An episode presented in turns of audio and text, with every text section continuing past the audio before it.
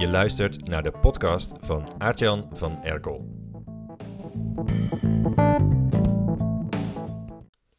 Een jaar of dertien geleden heb ik een eh, training spreken in het openbaar gedaan.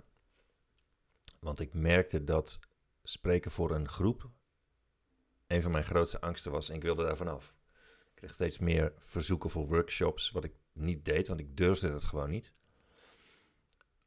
En ik stond toen tijdens een van die trainingsdagen, kreeg de opdracht, vertel eens in twee minuten onvoorbereid voor dit groepje medecursisten, vertel even twee minuten iets over een onderwerp wat je interessant vindt. Bam, go. Zonder voorbereiding, zonder blaadje.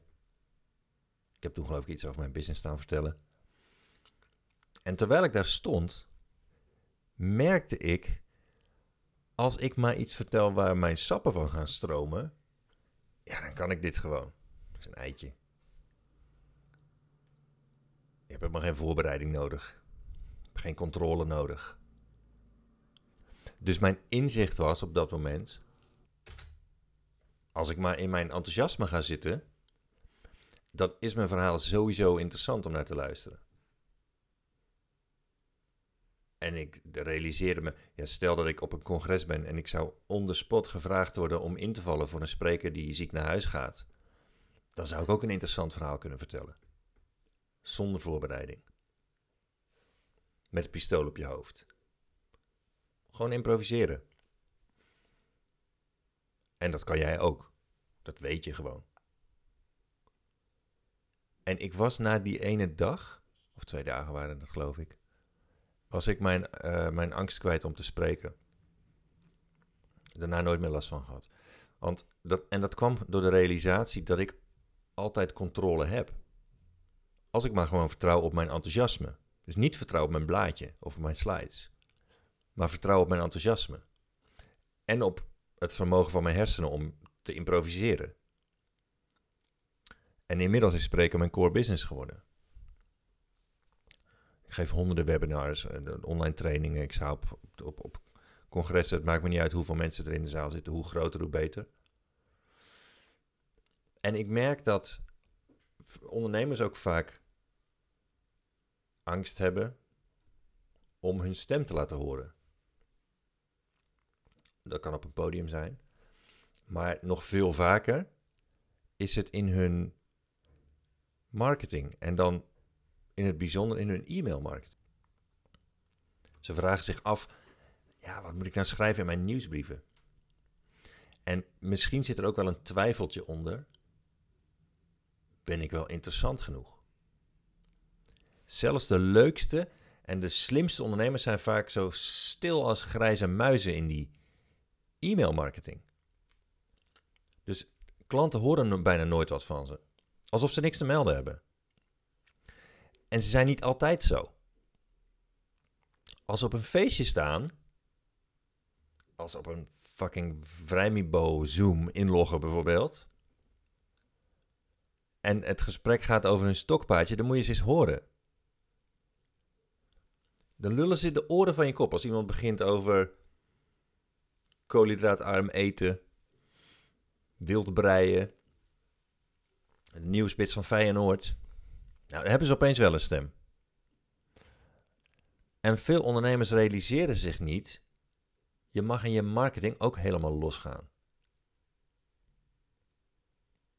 Door gewoon in je enthousiasme te gaan vertellen. Die denken dat er conventies zijn die ze niet mogen doorbreken.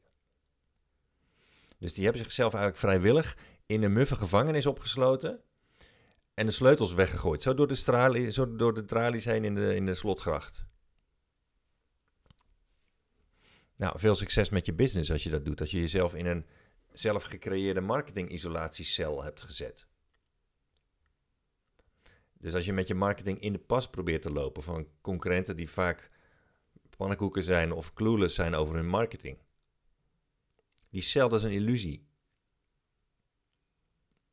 En die is bedacht door mensen die eigenlijk misschien wel zo'n twijfeltje hebben: ben ik wel interessant genoeg? Ik heb zelf meer dan twee jaar geleden besloten om te stoppen met traditionele content marketing, dus met het rondstrooien van gratis tips. had een hele grote mailinglijst opgebouwd. En dat waren eigenlijk allemaal mensen die gewend waren om hun hand op te houden. Omdat ik altijd gratis tips gaf. En ik had geen moeite om mijn stem te laten horen. Had ik al lang geen moeite meer mee. Maar ik had er geen zin meer in. Ik kon dat niet meer opbrengen. Ik had jarenlang hard teaching gedaan in mijn content marketing, op mijn blog en mijn e-mails. En ik kon dat niet meer. Ik ben toen van de ene op de andere dag geswitcht naar het schrijven van e-mails die alleen maar interessant zijn voor mijn allerbeste klanten. Die krijgen ze elke doordeweekse dag binnen. Er zit altijd een aanbod in. En ik geef ook tips, maar geen half seminar meer per e-mail. En ik ga los in die e-mails.